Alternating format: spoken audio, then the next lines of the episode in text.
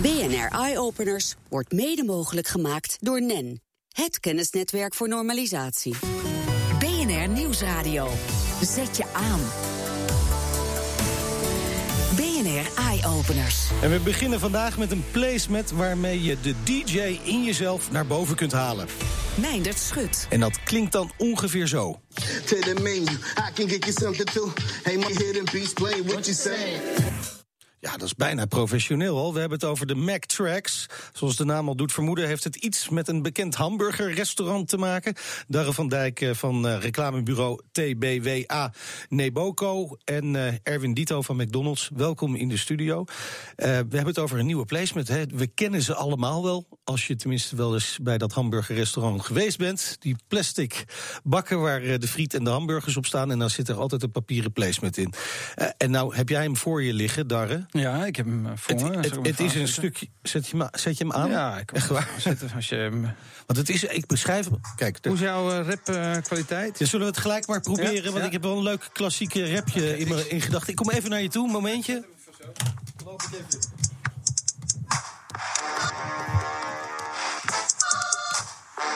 Yeah!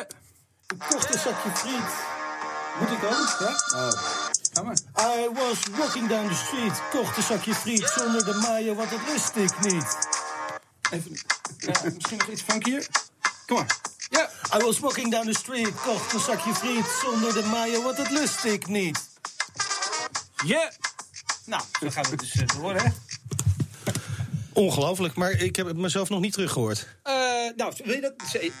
Dat heb ik niet... had, ik, had ik dat op moeten nemen? Oh, dat had je Nou, even moeten doen. Maar we- Hey.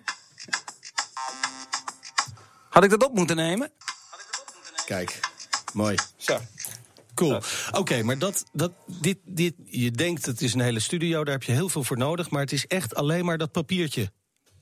Darre, ja, draai je microfoon ik even eh, goed. Ja, nee, het is, eh, het is echt een papieren placement. En, eh, en de techniek zit eh, daarin, via geleidende inkt.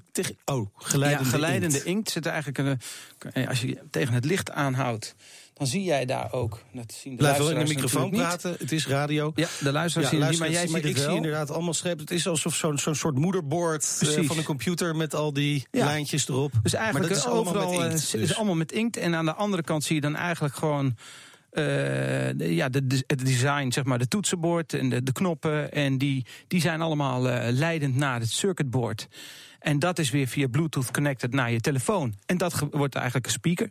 Oké, maar het is dus niet zo dat je telefoon die geluiden produceert. Nee. Het is alleen maar de speaker, je telefoon. Ja. Alles zit in Ja. de placement. Ja, Ongelooflijk. play the placement. Play the placement, zo noemen jullie dat ook. Ja. En eh, dit, is, dit is nog een prototype, hè? Ja. Ja, wij hebben, wij hebben een, eh, nou, we hebben een stuk of 30 gemaakt, 40. En we hebben dat eh, zeg maar op één dag hebben we vastgelegd als een experience.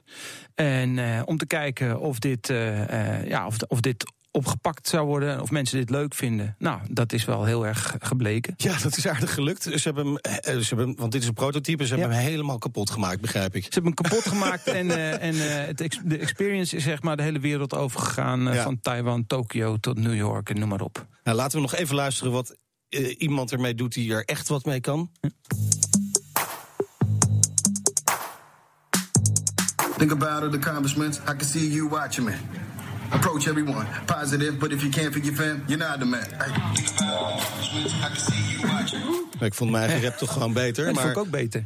Ja, ja, misschien moet je er een filmpje mee opnemen. Maar eh, eh, dit hebben jullie dus getest en toen dachten jullie gelijk van nou, hier moet hier is zo'n grote markt voor. Of wie dacht het eigenlijk? Dacht, Nou. Dachten jullie dat of dachten Ja, jullie van? McDonald's dat, Erwin? Nou, we dachten, we zaten allebei in dezelfde, dezelfde kamer. Toen, eh, toen eh, zeg maar, het eerste prototype werd gedemonstreerd. En we werden eh, behoorlijk enthousiast.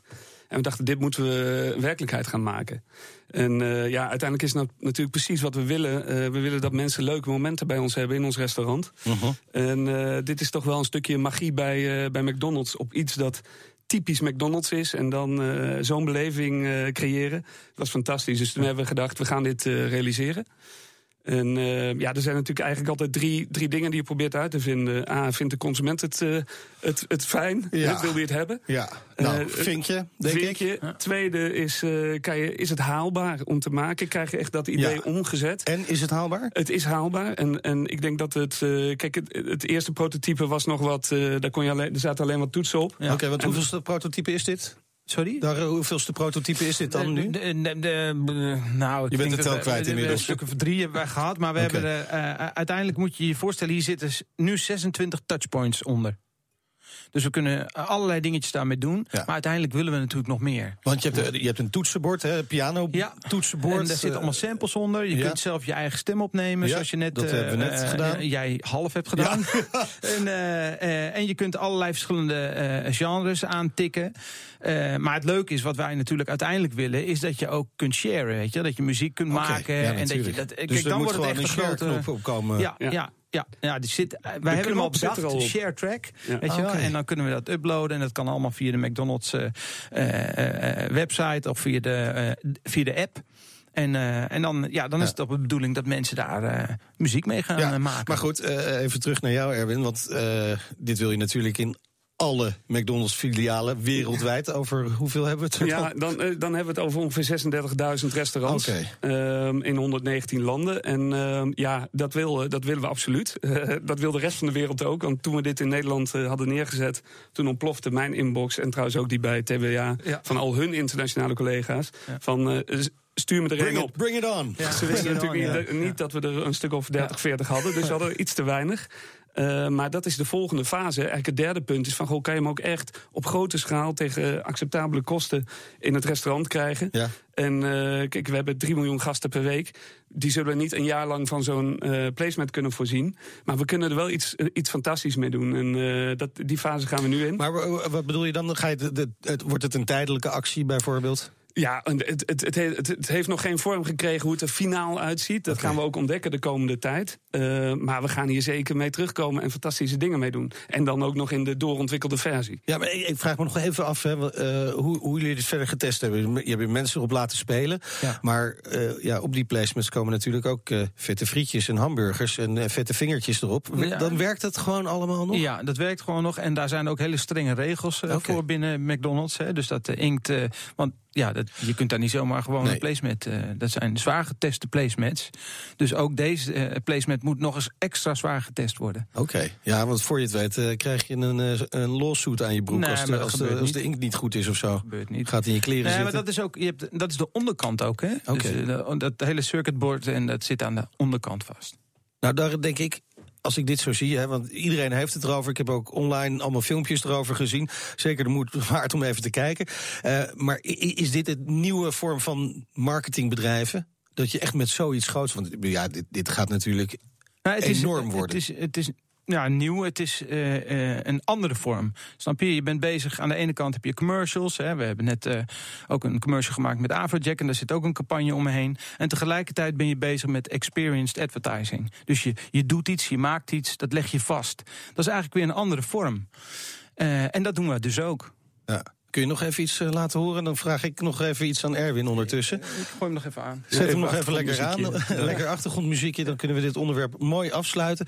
Want ik zit nog wel te denken. Uh, uh, met McDonald's ga je dit dus uitrollen. Uh, moet McDonald's zelf ook nog iets aanpassen? Want ik kan me voorstellen, als je vanaf elk tafeltje iedereen zijn muziekje hoort, dan ja, word je ook gek in het dat, restaurant. Dat is een van de redenen waarom je het niet permanent doet. En oh, dat, ja, je, okay. dat je het meer in een soort eventvorm, waarschijnlijk actievorm uh, neerzet. Want uh, ja, het is hartstikke leuk. We horen het hier. Maar uh, of, of het het jaar rond kan, dat, dat denk ik niet. Maar het is een fantastische innovatie.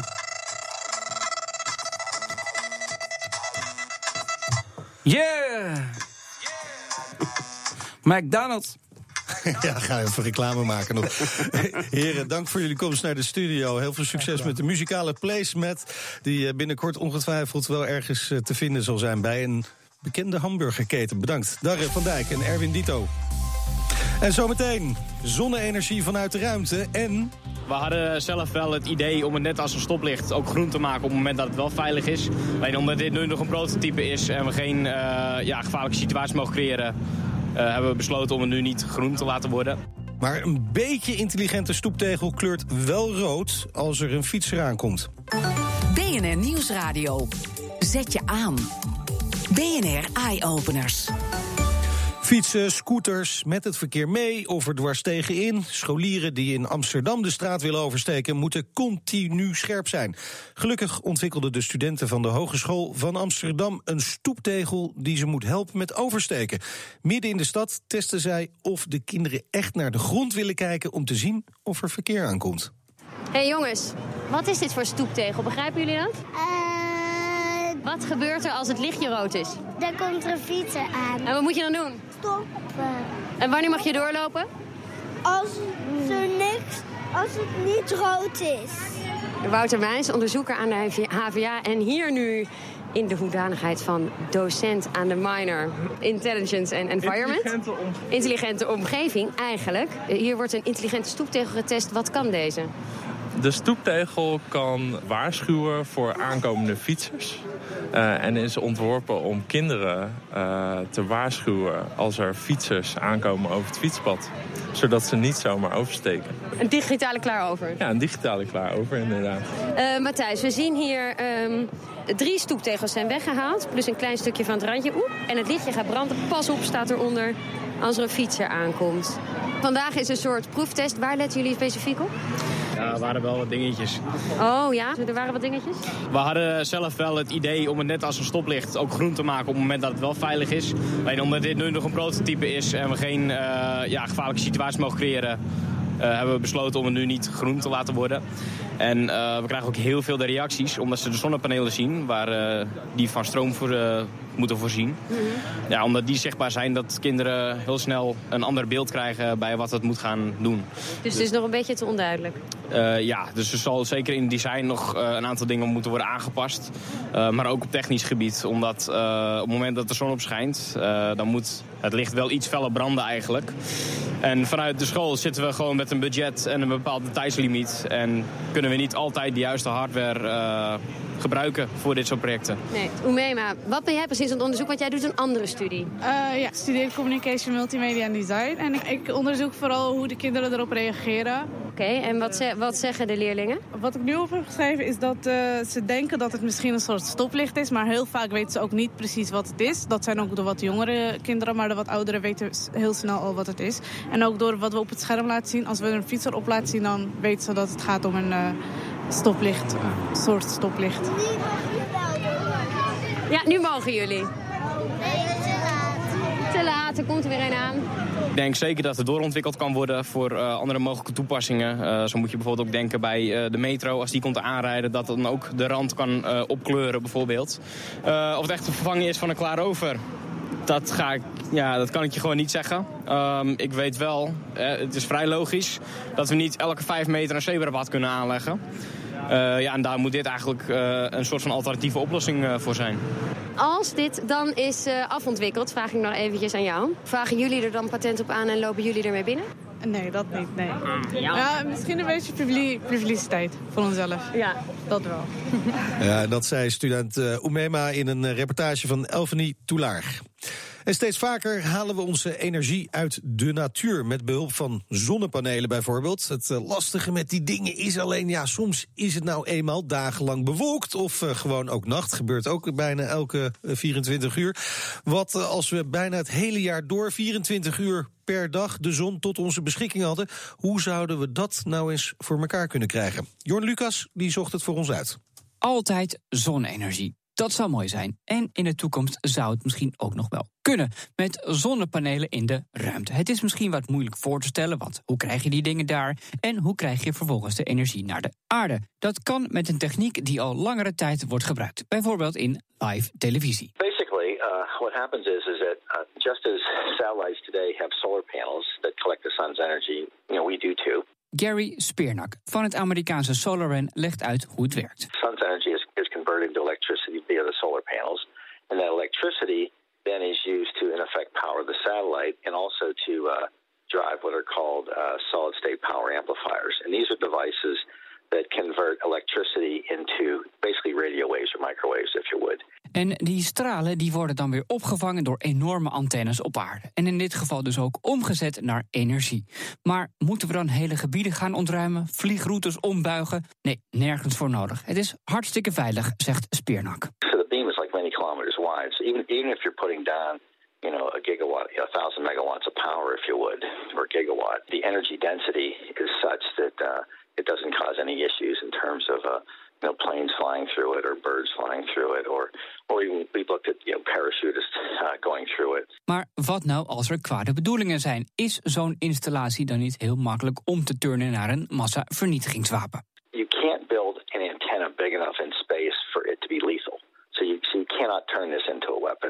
Size of the antenna would have to be so so large that uh, it would just take you decades to build, you know, kind of a thing. And so it just there's no there's no way that you can take our power plant and uh, and turn it into, into a weapon. Oké, het is dus veilig, maar ook enorm duur. De vraag is of het dan wel efficiënt en rendabel is. Volgens Speernak en zijn team uiteraard wel. Zo'n centrale op zonne-energie uit de ruimte levert er genoeg stroom op om de gemiddelde kerncentrale te vervangen. We said from the beginning that if we couldn't compete, you know, with terrestrial sources of, of electricity, terrestrial sources of power, uh, that we didn't want to be in this business.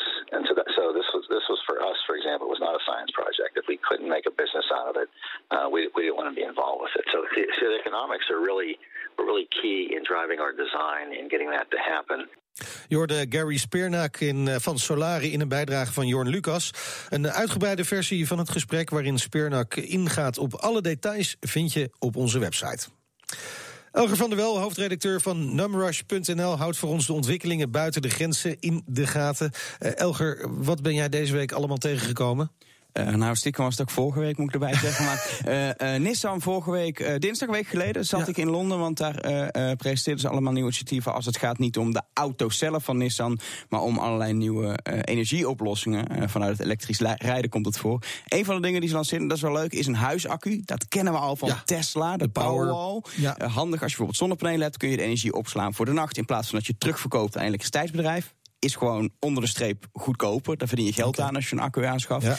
Ja. Um, wat zij doen, zij maken ook zo'n accu, maar ze maken hem van oude accu's uit de Nissan Leaf. Dat is een elektrische auto van Nissan. Ja. Uh, het accupack halen ze daaruit.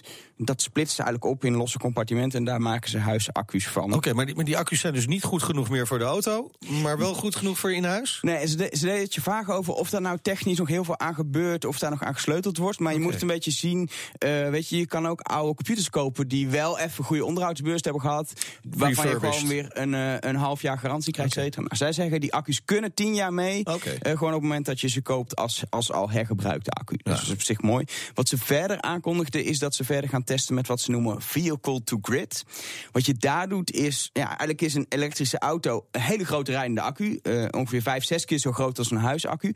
Als je die op de oprijlaan zet en aan je huis koppelt, kun je op dezelfde manier daar energie in opslaan. En eventueel okay. ook gebruiken op het moment dat je niet gaat rijden. Als je weet, hé, hey, ik ben morgen thuis, dan kan je gewoon uh, lekker je wasmachine laten draaien op, uh, op de auto. Op de, op de auto ja. En kun je weer, okay. weet je, door zonne-energie op te slaan op die manier, heb je eigenlijk op een gegeven moment uh, ja, je Eneco of je, of je Essent niet meer nodig. Dat is een beetje idee erachter. los te staan. En, ja. en als die accu's dan toch niet zo goed werken, die uit die auto komen, dan heb je nog het alternatief van de normale stroom. Natuurlijk. Ja, en, en zeker, en ja. zeker wat ook geldt in het buitenland, heb je natuurlijk wel stroomdips, kennen wij in Nederland eigenlijk niet. Maar zeker dan is het handig als je auto een backup vormt. Ja, precies. Hey, dan misschien een beetje een pijnlijk gespreksonderwerp voor de voetballiefhebber, het EK.